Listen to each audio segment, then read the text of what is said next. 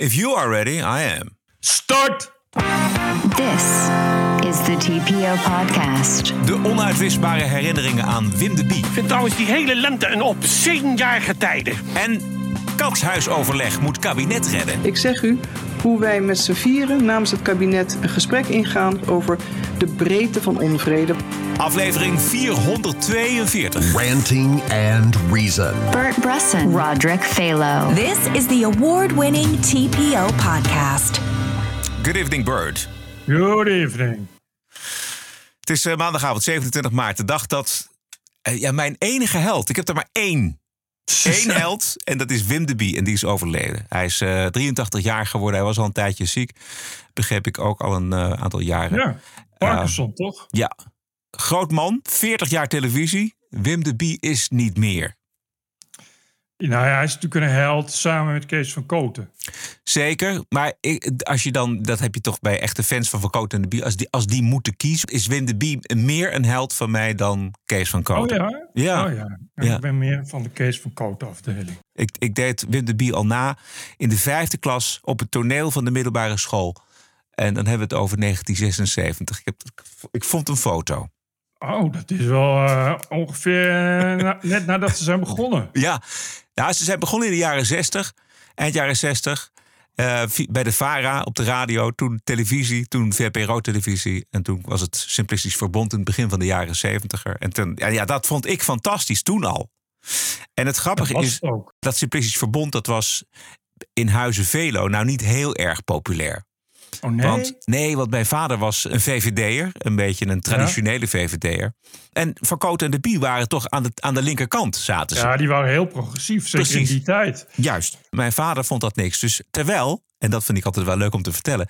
dat mijn vader op dezelfde school heeft gezeten als Kees van Cote en Wim de Bie. Namelijk op de Dalton, de Dalton Lyceum in Den Haag. Dus ik was daar altijd heel erg trots op, maar hij niet. Ja, terwijl toch, ook als je daar eh, niets met de, met de, met de ideologische eh, kleur hebt, dan is het toch nog grappig. Ik vond het als kind ook echt bijzonder grappig, eh, zonder dat ik überhaupt begreep dat het progressief was. Ja. Weet je wel? Maar het is door het manier van het persifleren van de typetjes die ze maakten, was per definitie grappig. Of je er nou mee eens bent of niet, wat Ja. ze zeggen. Ja. Ik denk dat eh, eh, zeker in, het, in de jaren 70 was het natuurlijk sowieso een po- polariserende tijd. Dat ze daar toch wel ook wel heel erg dat ehm, progressieve linkse engagement toonden. Dus eh, ook met de kabouters en met de provo's en precies. een beetje dat. En dat, dat, dat vond mijn vader bijvoorbeeld helemaal niks. En later zei ze natuurlijk zeker de- met Jacobs en Van Ness en al die andere populaire types. Toen vond hij het volgens mij ook wel leuk en grappig. Maar zo'n grote fan als ik was er niet in de familie. Ik vond, ze fanta- ik vond ze fantastisch. Ja, Wim de Bie wordt uiteraard altijd herdacht in al die typetjes die hij speelde. En terecht natuurlijk. Maar ik vond het ook zo leuk, vaak die gesprekken tussen Van Coot en de Bie. Als zichzelf. Wim de Bie kon altijd zo mooi, mooi boos worden. Ja. Kees van Koot is de luchtige, luchtige absurdist. En Wim de Bie, die, die zie je altijd heel snel woedend worden. Die wint zich ook echt op over dingen. Ja, Als hij niet speelde, was hij heel verlegen. Hij wilde ook nooit op tv. Dat is heel raar, hè? dat je mensen hebt die eh, dus heel, heel veel op tv zijn. Maar hij wilde nooit in talkshows of interviews, omdat hij extreem verlegen was. Ja. ja. Dat zie, ik, ook- dat zie je ook een beetje terug. Ik heb ook het idee dat wat hij speelde, zat er altijd wel een beetje iets van zichzelf in. Terwijl Kees van Kooten vind ik veel meer een. eh, eh, is veel meer een. Outgoing. all- outgoing. Is een, meer echt. Ja, precies. Echt, echt, een, echt ook een stand-upper, een allround acteur. Wim de Bie zag je toch altijd iets aan dat hij. Hij deed het ook gewoon omdat het moest. Ja. Weet je? Ja, ja, ja. Hij, denk, hij vond dat natuurlijk dat toneel vond hij leuk. En, de, en het, eh, die, dat, die, die kleinkunst vond hij leuk. En de grappen. En televisie maken is natuurlijk ook ontzettend leuk. Een filmpje maken helemaal in eigen beheer. Weet je wel, ze hadden zo'n zo'n ploegje om hen heen. Met ka vaste cameramensen, vaste productie, vaste geluidsmensen. En dat, die maakte dat, dat programma. En dat, ja, dat is natuurlijk heel leuk om iets te maken. Maar hij was inderdaad heel verlegen. Daar vertelt hij heel mooi over in die documentaire die Koen Verbraak heeft gemaakt eh, van het stel. Oh ja. In eh, vier delen. Allemaal terug te vinden op YouTube. Dus ehm, staat ook hoog in de hitlijsten vanmiddag. Al dat soort fragmenten. Ik heb zelf ook even een- naar een fragment gezocht... waarin ook dat engagement van, van Wim de Bie te horen was. Uit 1984, teruggebracht tot drie minuten. Met daarin de Bie die duizend gulden gaan besteden... aan een vliegticket naar Nicaragua... waar net een linkse sandinistische revolutie is uitgebroken. De Bie wil daarheen en Van Koten die vertrouwt het allemaal niet. Ik denk er hard over om voor die duizend gulden van mij een vliegticket te kopen en te gaan koffiebonen plukken in Nicaragua. Dan kan ik nou eindelijk eens mijn solidariteit uiten. Dat heb ik nooit gekund. Nou, ga maar na. Ik was te jong om als brigadist mee te vechten in de Spaanse burgeroorlog. Castro heb ik nooit kunnen steunen, want toen zat ik voor mijn eindexamen. Dat is een excuus. Mei 68 wilde ik naar Parijs, maar ja, kon ik geen lift krijgen. Als ik deze kans tot stellingname nou weer mis, knap ik definitief op mezelf af. Waarom maak je daar geen geld over? Gewoon voor medicijnen. Eh, doe jij dat maar, ik ga erheen. Koffiebonen plukken. Ik herinner mij dat wij eens een keer in een grote vakantie aardbeien hebben geplukt samen. Weet je Oh ja, ja, ja. En dat hield je een halve dag vol en toen had je het in je rug. En toen had je een kwart mandje vol. En je vond die slakken ook eng onder die aardbeienplanten. Dus ik zie jou nou niet direct hoor, sorry, maar eh, onder contra-revolutionair geweervuur eh, koffiebonen plukken tussen twee Duitse groenen in. Dat zie ik niet zo 1, 2, 3 voor me. Ik zie ook geen revolutionaire liederen zingen, tweestellig met Petra Kelly en Günter Walraaf. Zo van, eh, schoonheid is een geweer in de revolutie, die liederen, die zie ik je niet zingen. Bovendien kun je niet tegen de zon en je drinkt al vijf jaar koffie hag. Nou, dan, eh, dan pluk, Ja. ik, eh, pluk ik alleen 's ochtends. Ah, Dan eh, dans ik 's middags niet mee. Dan ga ik in een goed hotel zitten in Ja. Managua. Ja. En dan schrijf ik een keihard verhaal salonjournalist. tegen de contra-revolutionaire krachten... Ja. die ook hier in Nederland niet willen inzien wat hier voor fantastisch gebeurt. Namelijk dat dit een revolutie is van het hele volk... Ja. en dat het sandinisme de nieuwe mens nou eindelijk kan gaan opleveren. Kan gaan opleveren. Kan. Kan gaan Dat kan. opleveren. Hoop ik, hoop ik dat het kan. Ik hoop dat het mogen gebeuren. Maar het is weer een isme wat er heilig wordt verklaard. En ieder isme creëert een hiërarchie de bie waarin de bovenste klasse vrij uitgaat. Ik zou je vertellen wat er mij is gebeurd. Ik ben vreselijk afgeknapt op Castro. Dat heeft me erg veel pijn gedaan, achteraf. Van Mao ben ik achteraf maanden in de war geweest, ziek in bed. Ik was in Parijs in mei 68. Daar bekogelen nu de gastarbeiders, de arbeiders en andersom in de Talbot-fabrieken. Noord-Vietnam is één groot concentratiekamp. Dus als ik nu achteraf solidair blijkt te zijn geweest met de verkeerde mensen in Nicaragua, zou ik mezelf nooit vergeven. Als daar binnen een paar jaar geen niet-sandinistisch boek meer te krijgen is, als de eerste homoseksuelen worden vervolgd, ik wou rustig wachten tot die toegezegde vrije verkiezingen in 85.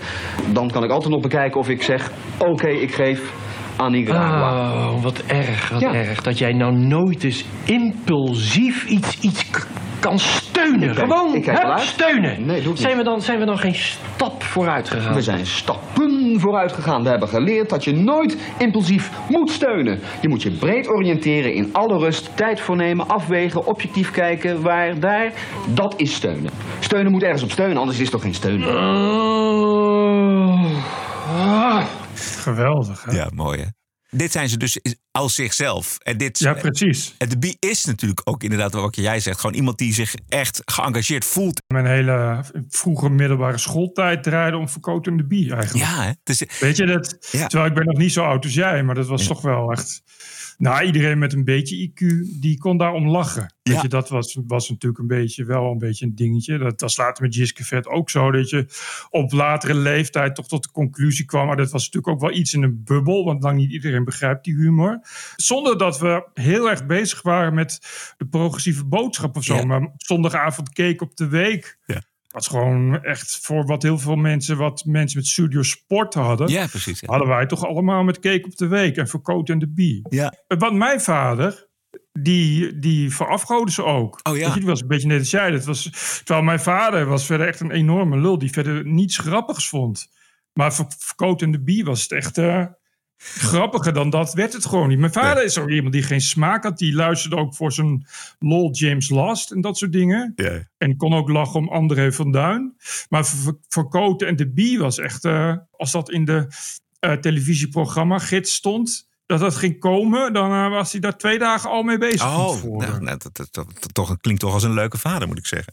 Over, Nee, dat niet. Oh, dat niet. Nou goed. Mijn vader was meer eh, Toon Hermans. Dat vond hij fantastisch. Met tranen, Oh met ja, tuiten. ja, dat was ook lekker een beetje veilig nog. Ja. Maar mijn vader die kon eigenlijk stiekem ook nog wel lachen om Joep van het Hek. Maar dat kon natuurlijk niet. Dat was veel te grof. Weet je wel? Dus dat is dan, ja, en dat was bij Freek de Jonge uh, laat natuurlijk ook zo. En dat is denk ik ook wel de kracht van Verkoten en de Bie. Dat het, het was nooit grof. Nee, dus ik dan één klein dingetje laten horen. Dat is Ja, die Duitse graag. leraar, gespeeld door Wim de Wie. En daarin hoor je ook hoeveel boosheid hij naar boven weet te krijgen tijdens zo'n scène. Ik als leraar Duits op het gymnasium zat voor de klas op een podium. En dat is verdwenen in de democratiseringsgolf van de jaren 60. Oh, moesten zo nodig gelijkvloers met de leerlingen discussiëren in groepjes. Maar wat miste ik mijn podium, mijn eiland van gezag. Waar vandaan ik neerkeek op dat puisterige, onwetende leerlingenrapalje. Twee keer, twee keer hebben ze mijn stoel scherp gezet op de rand van het podium. En twee keer zijn de daders voor goed van school gestuurd. Wil men de leraar zijn status teruggeven? Geef hem dan zijn podium terug. Zijn eiland van gezag. Ik denk dat ik toch deels door hem ben op beïnvloed. Qua, qua rente, zal ik maar zeggen. Ik kan me eigenlijk heel moeilijk mijn jeugd voorstellen zonder Van Cote en de Bie. Nou, precies. Dat is wat ik zeg. Dat is wel echt, als je. dat- Dit is best wel vormend geweest ook. Ze hebben natuurlijk ook enorm bijgedragen aan een heel nieuw lexicon. Waar, we- weet je natuurlijk, eh, eh, en dingen die. woorden die op een gegeven moment heel Nederland is gaan gebruiken. Ja. Eh, en natuurlijk typetjes die. Die groter werden, echt larger than life. Weet je, Nou, dat is- zeker eh, eh, Jacob natuurlijk. Dat- Die hebben ze Nou ja, precies. uit- uiteindelijk natuurlijk om zeep moeten helpen... omdat het te, te populair werd. En dat gewoon mensen echt dachten van... nou, we gaan op de tegenpartij gaan we stemmen. Het is ook echt bijna echt een, een levend universum geworden. Weet je, dat je die wethouder eh, van, van, van te, te Wexel en zo, weet je, dat, die hacking, wet, dat zijn mensen die kon je gewoon weer terugplaatsen in Nederland en dan waren ze gewoon echt. Dus het liep ook zo naadloos in elkaar over. Dat die satire van hun en, en wat mensen in het echt, in het echt deden. Ja. En dat is, dat is dus knap. En ik denk, ja, het is heel knap als je zoveel mensen eh, aanspreekt, ondanks de progressieve boodschap. Want ze hebben natuurlijk eigenlijk hun hele leven bij de VPRO gezeten. Dus zeker in de jaren zeventig mag ik aannemen dat dat overduidelijk eh, een, een bepaalde boodschap had, een bepaalde politieke boodschap. Terwijl ze toch iedereen aanspraken. Dat, is best, dat is echt knap. Ik bedoel, de enige die iedereen aansprak was natuurlijk inderdaad Toon Hermans of André van Duin. Maar goed, dat zijn mensen die eh, grappen maken. Maar dit was ja, satire, wat je toch lang niet altijd zomaar begrijpt. Maar Van Coot en de Bie konden dat. Fantastisch. Ja. Tot zover Wim. This is the TPO podcast. Dinsdag is een eh, belangrijke, zo niet cruciale dag in het leven van kabinet Rutte 4. Dinsdagavond komen Kaag, Hoekstra, eh, Carola Schouten van de ChristenUnie en Rutte bij elkaar in het katshuis en kijken elkaar diep in de ogen om te zien of ze nog verder willen met elkaar. Hoeveel souplesse en buigzaamheid is er nog? Heb jij enig idee, Bert? Volgens mij heel weinig. Ook ik zomaar hoor. Ja, het is, ik, ik denk dat het. Ik heb zo'n idee dat het 50-50 is. Afgelopen vrijdag was premier Rutte in het buitenland. En dus deed eh, de eerste vicepremier Kaag deed de persconferentie. En uiteraard werd er haar gevraagd naar wat er dinsdag, aanstaande dinsdag, dus eh, eigenlijk de dag van de uitzending. In het katshuis gaat gebeuren die avond. En welke vragen het kabinet zichzelf stelt. Als vicepremier eh, geef ik u geen mening over wat D66 gaat doen. Ik zeg u hoe wij met z'n vieren namens het kabinet een gesprek ingaan. Juist op basis van dat belangrijke rapport ook wat er ligt over de breedte van onvrede. Want het verschil en degenen die niet hebben gestemd zijn net zo belangrijk. Waarom hebben zij überhaupt niet gestemd? Al zijn het provinciale statenverkiezingen. Degenen die wel hebben gestemd. Wat heeft dat betekend? Hebben ze gestemd omdat ze geen vertrouwen hebben in de breedte van de politiek? Hebben ze een ongenoegen geuit, bijvoorbeeld over het leenstelsel van studenten? Het is heel complex en het is heel gevarieerd. En ik denk dat het veel belangrijker is dat we de nuance zoeken Boeiend, deze draaibeweging van Kaag. Niet alleen al die mensen die op BBB hebben gestemd, doen ertoe ook iedereen die niet gestemd heeft. Ze vermijdt dus Juist. het, het, de zelfbeklag. Ze vermijdt ook de hete hangijzers. Ja. Het CDA gaat echt degene zijn die dit helemaal, helemaal kapot gaat maken. Ik Ja. vandaag nog minister van Binnenlandse Zaken Hanke Bruins Slot, ook van het CDA, heeft eh, vandaag een rapport in ontvangst genomen. Het rapport was van allemaal Raad voor Volksgezondheid, Raad voor Leving, Leefomgeving, Raad Openbaar Bestuur over de regio. Nou, de conclusies liggen voor de hand. Uh, mensen in de regio's hebben 0,0 vertrouwen in de overheid. Waarop Bruins Slot reageerde, nogmaals, de minister van Binnenlandse Zaken. Dus het is vandaag, en dat is dus één dag voor crisisberaad. Die zegt nu de, over de winst van de BBB in de provinciale staten. Dat is een signaal uit de samenleving waarvoor we niet doof mogen zijn. Veel mensen vinden dat de overheid onvoldoende naar hen luistert. En twijfelen aan het vermogen van de overheid om grote uitdagingen van onze tijd aan te pakken. Uh, en dan zegt ze er ook nog bij dat uh, mensen hebben het idee, of nee, we zitten in een overgangsperiode naar een manier van werken waarin dienstbaarheid en rechtvaardigheid leidend zijn. De overheid heeft zich te lang gericht op efficiëntie en doelmatigheid, Ja. terwijl die juist dienstbaar en dichtbij hoort te zijn. Spijker op de kop.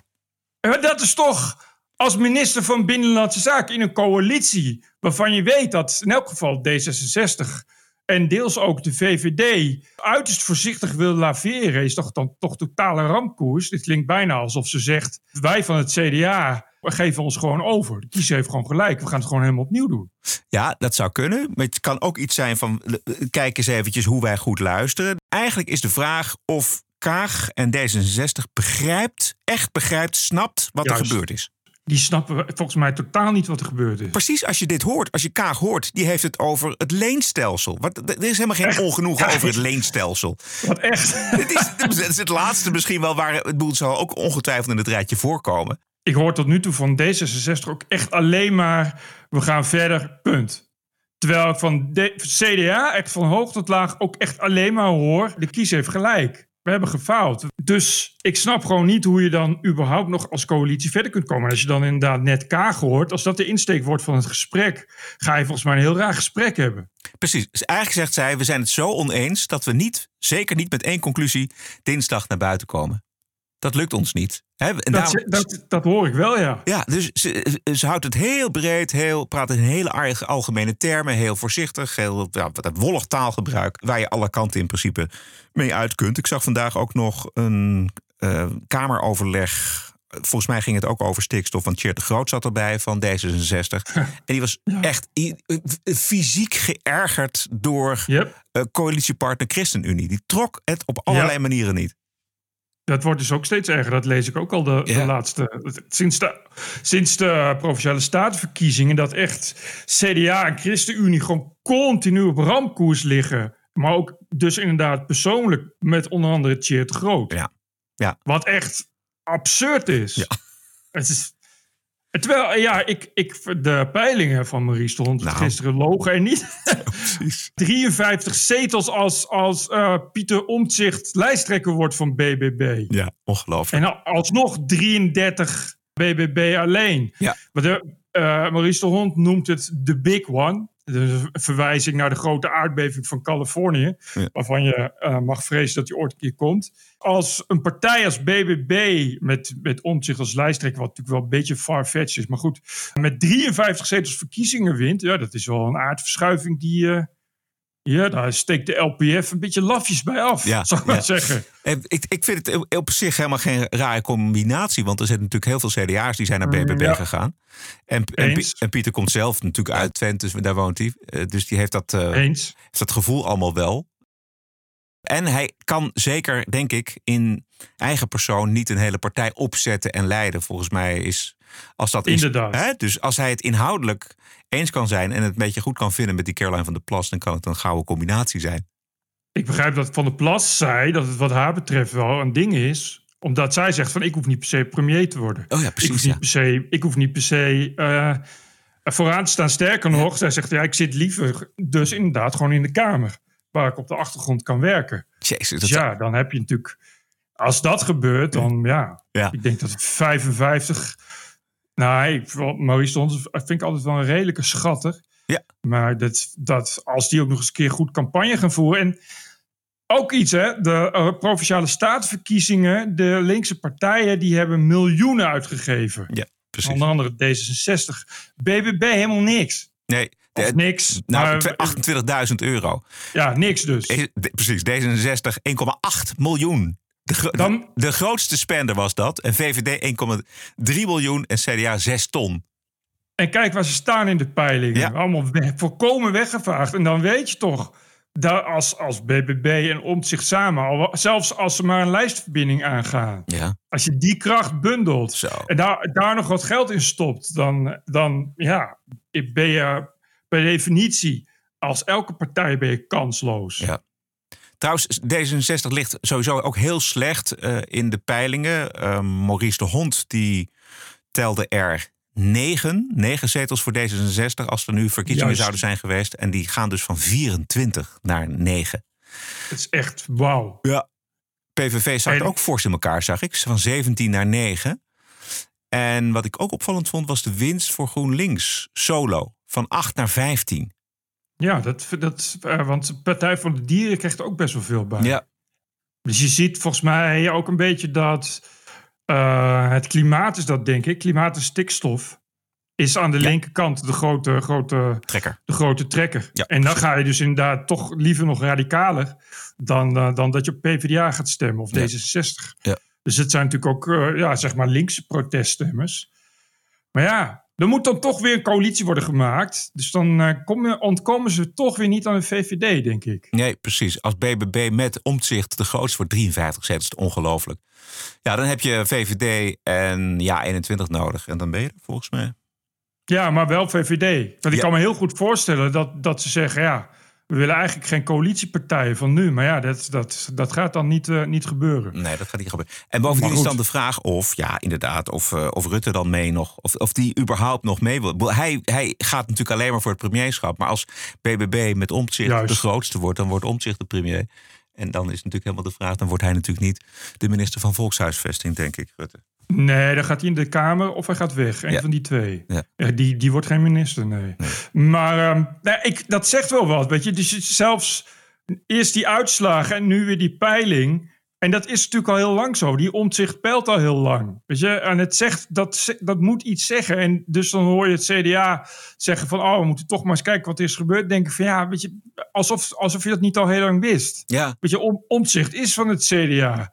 En de enige die ooit zichtbaar geweest is van het CDA is omzicht op een positieve manier. Ja. Dat, dat is dan toch, ja.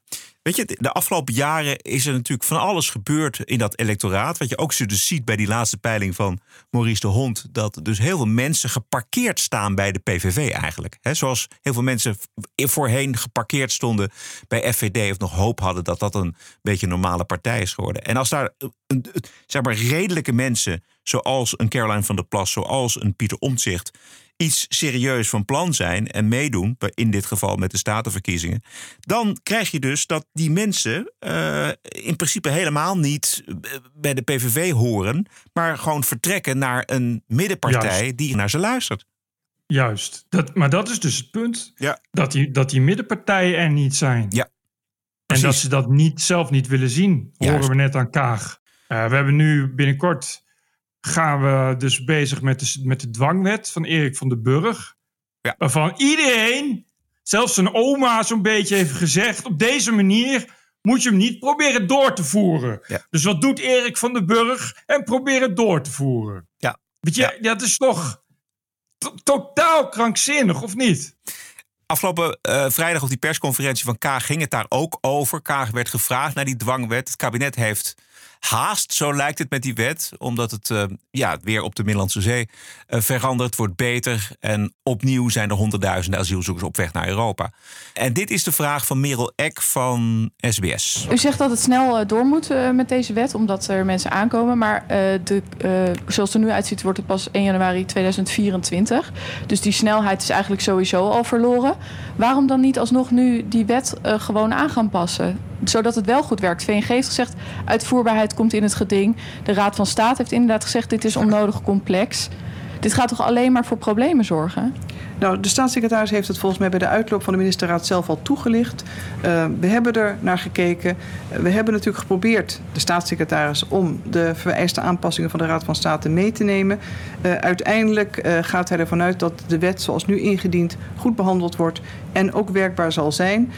ik kan dat niet voor hem, daar kan ik verder niet naar gaan raden, zeg ik u eerlijk. En inderdaad, nou, als ik zeg we, hebben, we moeten een beetje nu haast maken. Hij kan inderdaad misschien op zijn vroegst pas in januari 2024 in werking gaan. Maar elke vertraging zal alleen nog verder zijn doorwerking vinden. En het is aan de Kamers ook nog steeds om te kijken hoeveel tijd ze zullen benemen voor de behandeling. Dit qua tijdspad.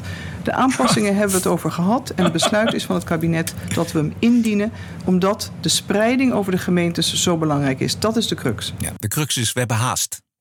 Heeft deze mevrouw überhaupt door dat de Eerste Kamer niet meer is zoals die was? Dat sinds de winst van BBB de Eerste Kamer uh, er dus heel anders uitziet. Namelijk met uh, vooral heel veel partijen die heel erg kritisch gaan zijn op vrijwel elke wet die uit de koken van, van, van de staatssecretaris van de VVD komt. Ja. Ik, als je dat zo hoort, die zegt dus nu doodleuk. Ja, de BBB en, en ja 21 en weet ik veel wie. Ja, BBB vooral, hè, die, die straks de, de scepter zwaait in de Eerste Kamer die moeten dan maar rekening houden dat ze niet te veel tijd gaan besteden aan deze wet en deze wetten doorlaten. Ja, of ze hoopt dat het nog kan voordat de nieuwe Eerste uh, Kamer zal zijn geïnstalleerd. Dat denk ik trouwens Nee, niet, maar Is mei volgens mij. Ja, dus dus ja. dan, en dan is het reces en zo. Dus ik, dat kan ik me haast niet voorstellen, want die wet moet nu pas door de Tweede Kamer. Ja. En nou, je weet dat dan eh, alle coalitiepartijen hard hun best zullen doen om het zo lang mogelijk te vertragen. Ja, dat is één. Twee, ik denk wel dat er een meerderheid zou kunnen zijn in de Eerste Kamer. Als puur als je kijkt naar de partijen. Hè, de GroenLinks Partij van de Arbeid, Dierenpartij en Volt. Die zullen die wet vast en zeker wel eh, ondersteunen. Maar het is, vergeet niet, en dat hoor je Kaag ook wel zeggen. Ook in de vraag trouwens van Merel Eck. Er is zoveel fundamentele kritiek op die wet van de Raad van State. Dan kun je je toch niet voorstellen dat welke Eerste Kamer dan ook met welke samenstelling gewoon daarmee instemt. Als de Raad van State al zegt: het is te ingewikkeld, je moet het niet doen. Het, zelfs als je dat doorlaat, dan, dan komt het dus bij de provincie. Nou, daar is BBB aan de macht. Heel toevallig. Ja. Eh, dus dat wordt lastig. Maar zelfs los daarvan, wat je gaat krijgen, en dat is waarom de Raad van State zegt, je moet aanpassen, is dat iedereen die dwars ligt, zegt, hiermee ga ik naar, naar de rechter. Ja. Die dan gaat zeggen, ja, nee, dit is inderdaad, op deze manier kunnen we geen zaken doen Ja. omdat er dus zoveel hiaten in zitten waar, waar geen rekening mee is gehouden.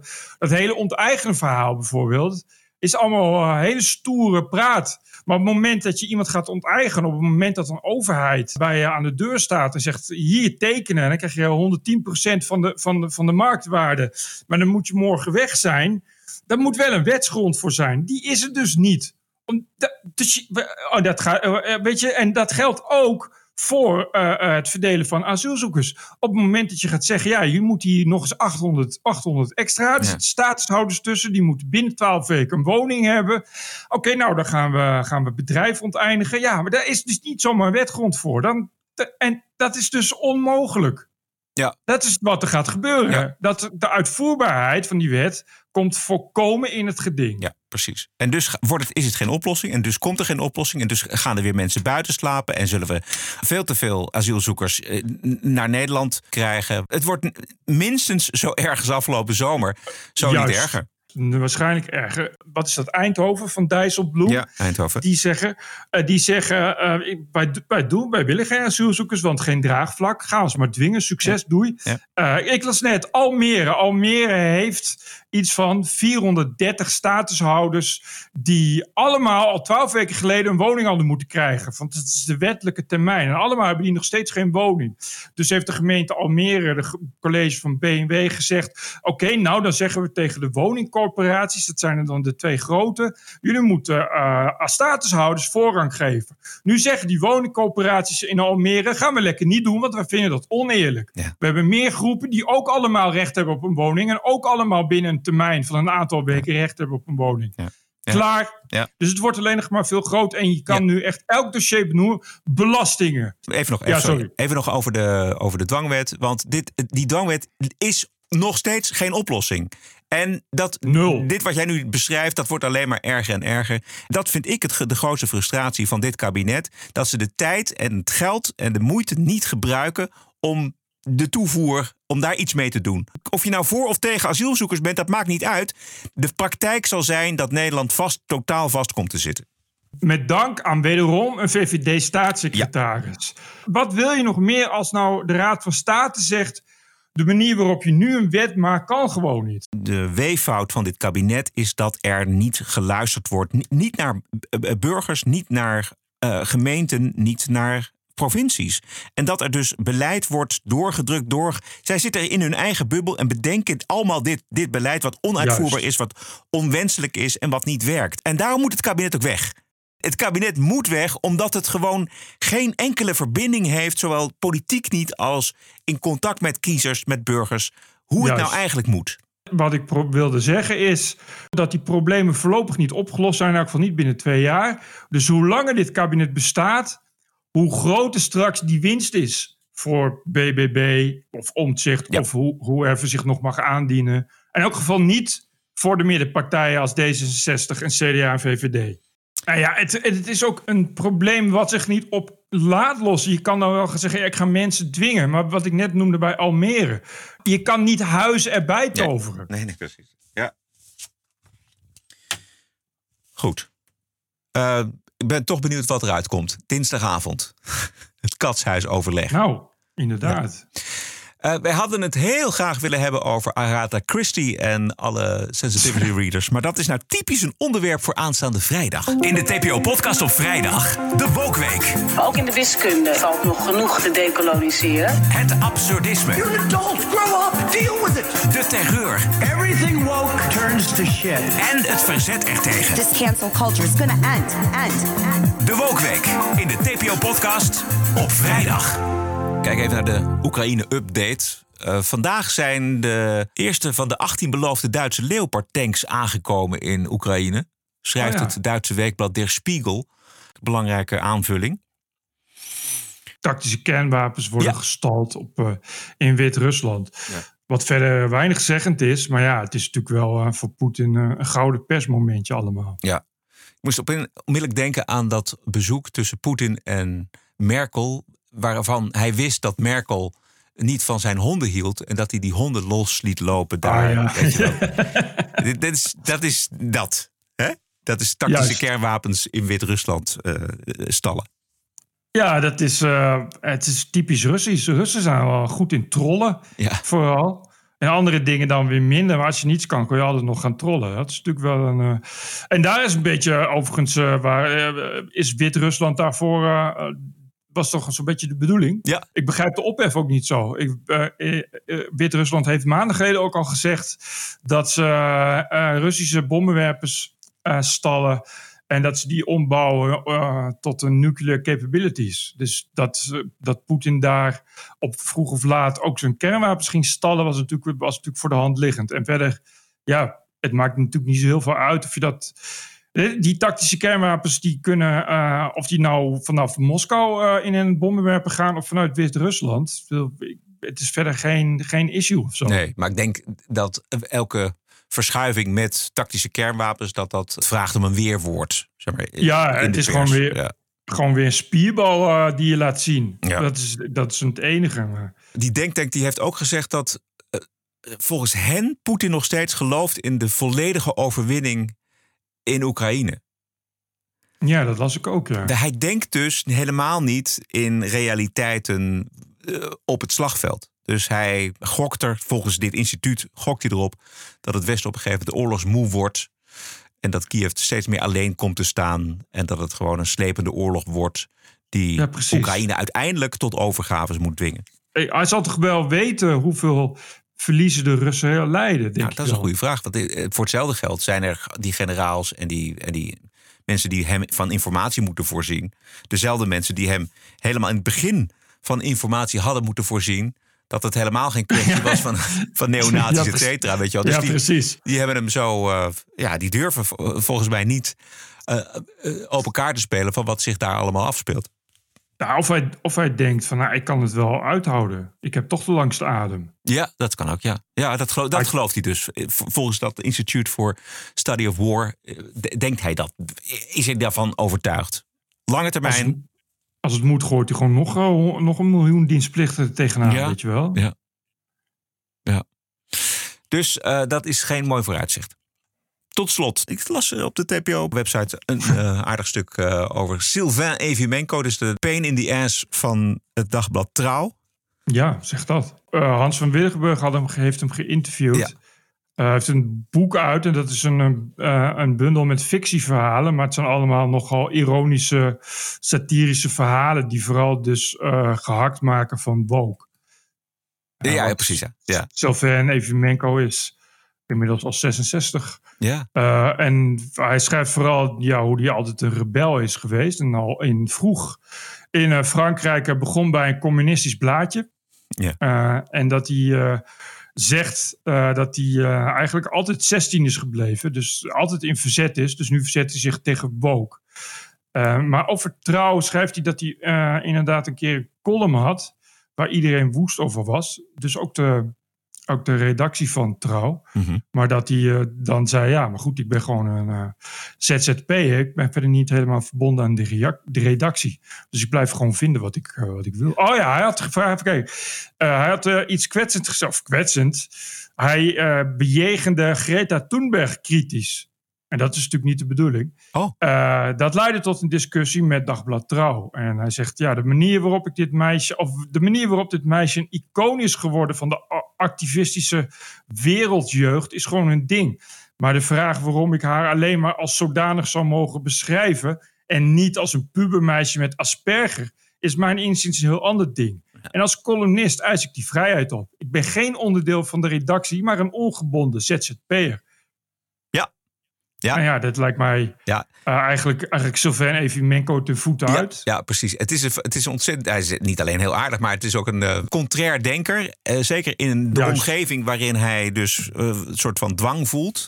dat maakt hem buitengewoon sympathiek. Ik, ik weet nog dat toen ik als jonge leerling-journalist begon bij de VARA dat wij hem dan, uh, dat was op Radio 5, dat was toen nog een achtergrondzender, hadden wij een, uh, een programma waar ik redacteur was. En dan was hij vast panelid. En toen was hij nog inderdaad links. Hij was, dus daarom was, hij ook heel erg welkom bij de VARA.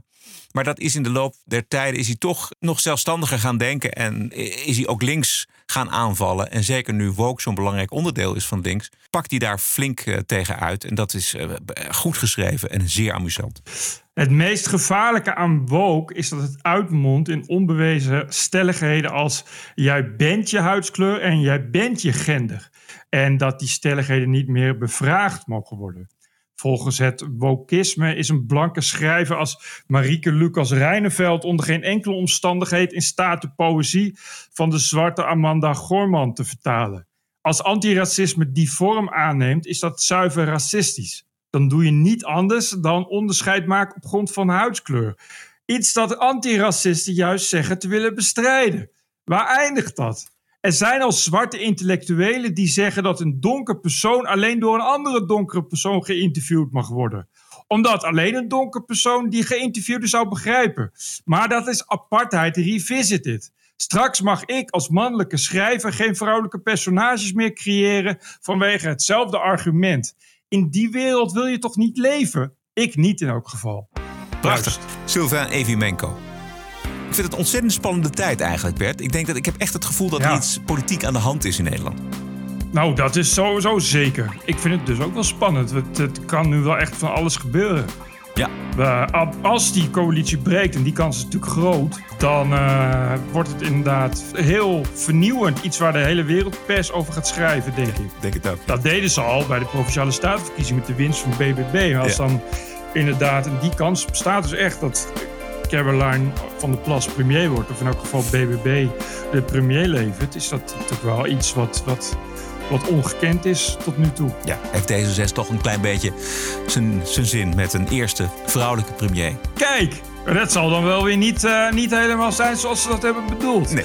Hoe dit verder uitpakt, uh, luister aanstaande vrijdag naar de Vrijdagshow. Je kunt dan gaan naar tpopodcast.nl. Kom je vanzelf op de Petje Af pagina van de TPO Podcast. En daar wijst de weg zich vanzelf.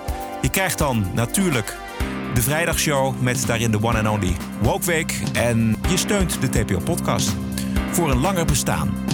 Heel veel dank. Stay cool. En tot vrijdag.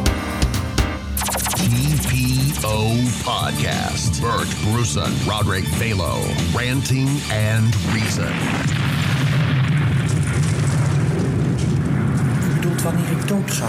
Dat moeten wij namelijk weten, ja. Het environale uh, stervensjaar om tot die prognose te kunnen komen? Dat moeten wij namelijk weten. Ik, ik ben pas 32. U bent 32. Nou, kijk eens aan. Vindt u zelf niet dat u het dan eigenlijk allemaal wel al zo'n beetje gezien hebt? Dan zet ik u in elk geval nog op deze eeuw. Maar ik zou heel graag het jaar 2000 nog mee willen maken. Ja, kijk, dat willen wij allemaal wel. Ah ja. Natuurlijk, hè? Oh ja. Heeft dit nu te maken met de energiecrisis? Eh, dit heeft te maken met de energiecrisis, met de hamsterwoede, met de watervervuiling... en met de dreigende oorlog met Frankrijk. En bovendien, meneer Okersen, wordt het tijd dat wij dat onredelijke verschil... tussen heel oud en heel jong eens een beetje gaan nivelleren. Redelijk, Eh, Ik heb in 1998 voor u overigens nog wel een gaatje dat je zegt. Maar als ik nou alle benzinebonnen weer inlever... Als u alle benzinebonnen weer inlevert... Zou dat niet kunnen? Ja, het kan natuurlijk wel. Ja, en bij wie, eh, bij wie moet ik dan zijn? Ja, dan moet u, dan moet u bij de betrokken ambtenaar zijn, hè? En wie is dat? Dat ben ik. Kijk dus, eh, 25 benzinebonnen. Ja, dat is, we hadden u gezegd op... eh, 1998? 1998 plus Plus 25, dat wordt dan 25 2023. Dan moet Zou dat gaan? In het jaar 2023, als u dan op of in dat jaar even dood, doodgaat. Fijn, dank u wel voor de medewerking. U krijgt automatisch van ons nog een aanmaning in het jaar 2022. fijn. Podcasting is the TPO podcast in the Netherlands. Bert and Roderick. What a show. I'm telling you. Keep the show running. Go to tpo.nl slash podcast. Thank you.